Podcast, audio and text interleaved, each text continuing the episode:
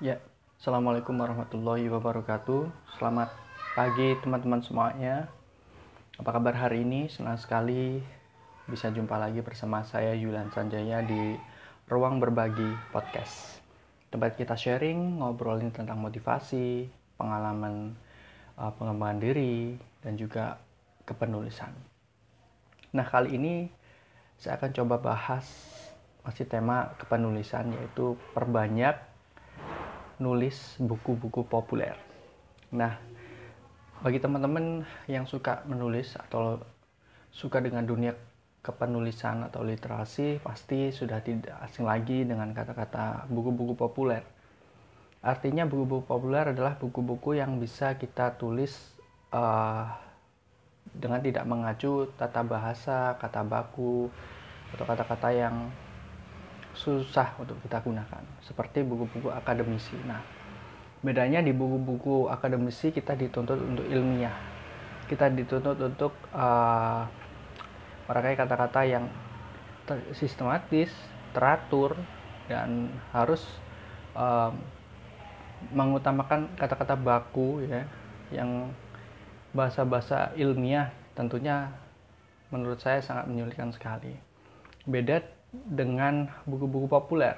Ya, buku-buku populer adalah buku-buku yang berisi tentang tema-tema yang uh, ringan, mudah. Seolah kita curhat seperti di buku diary ya, kita mengungkapkan kata-kata yang tidak terlalu baku pastinya. Kita bisa mengungkapkan kata-kata yang menurut kita mudah menurut bahasa kita sendiri.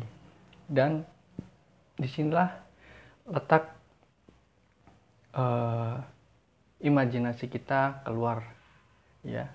Ide-ide kita bermunculan karena tidak terikat lagi sama kata-kata baku ya.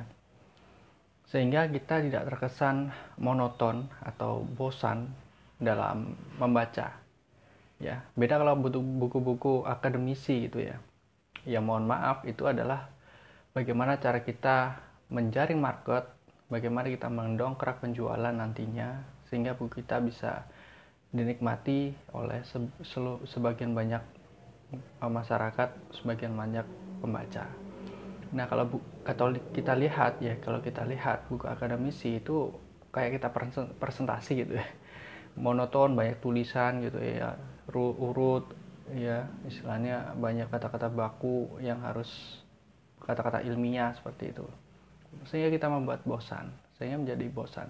Di sama gitu juga uh, hanya kalangan tertentu yang bisa uh, mengerti atau uh, bakal membeli buku itu ya. Karena selain kita juga butuh itu sebagai bahan baku pelajaran ya. Sebagai bahan kita belajar ya. Nanti pastinya kita akan beli gitu ya jika kita butuh. Tetapi ada lagi dengan buku-buku buku populer yang menyangkut motivasi pengembangan diri atau hal-hal yang lain yang seakan ringan bahasanya tentang kehidupan ya. Itu sangat-sangat diminati oleh kalangan pembaca khususnya remaja atau dewasa gitu ya. Tergantung target market kita. Dan itu sangat luas sekali menurut saya karena buku populer adalah buku-buku yang bisa kita nikmati uh, karena dengan tata bahasa atau cara penyampaiannya yang ringan dan mudah dipahami. Nah uh, buku-buku populer itu bisa jadi seperti buku motivasi, pengembangan diri, edukasi, tentang bisa menceritakan tentang orang tua, pengalaman ya waktu kita remaja, tentang waktu, tentang orang tua, banyak hal seputar kehidupan kita menjalani hidup di dunia ini. Nah, banyak bahan, banyak tema yang nantinya akan kita bisa tulis. Intinya rentetan dari kehidupan kita, rantai kehidupan kita. Kita bisa tuliskan di sana dengan bahasa kita, dengan bahasa yang ringan dan mudah dipahami. Saya yakin pembacanya sangat luas sekali dan apalagi di zaman sekarang itu banyak uh, penerbit penerbit inti apa in indie ya atau penerbit self publishing yang bisa membantu teman-teman semuanya menerbitkan buku dengan cepat tanpa harus menunggu lama seperti di penerbit mayor. Nah, saatnya kita berkreasi, saatnya kita berkarya tunjukkan kalau kita bisa dan kita membuat karya yang bisa dinikmati oleh sebanyak mungkin orang. Mungkin itu saja teman-teman ya.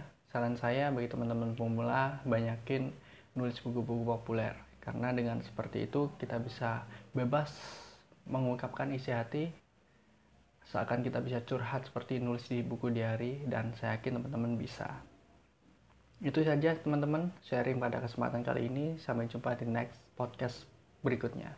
Tetap stay tune in podcast ruang berbagi. Assalamualaikum warahmatullahi wabarakatuh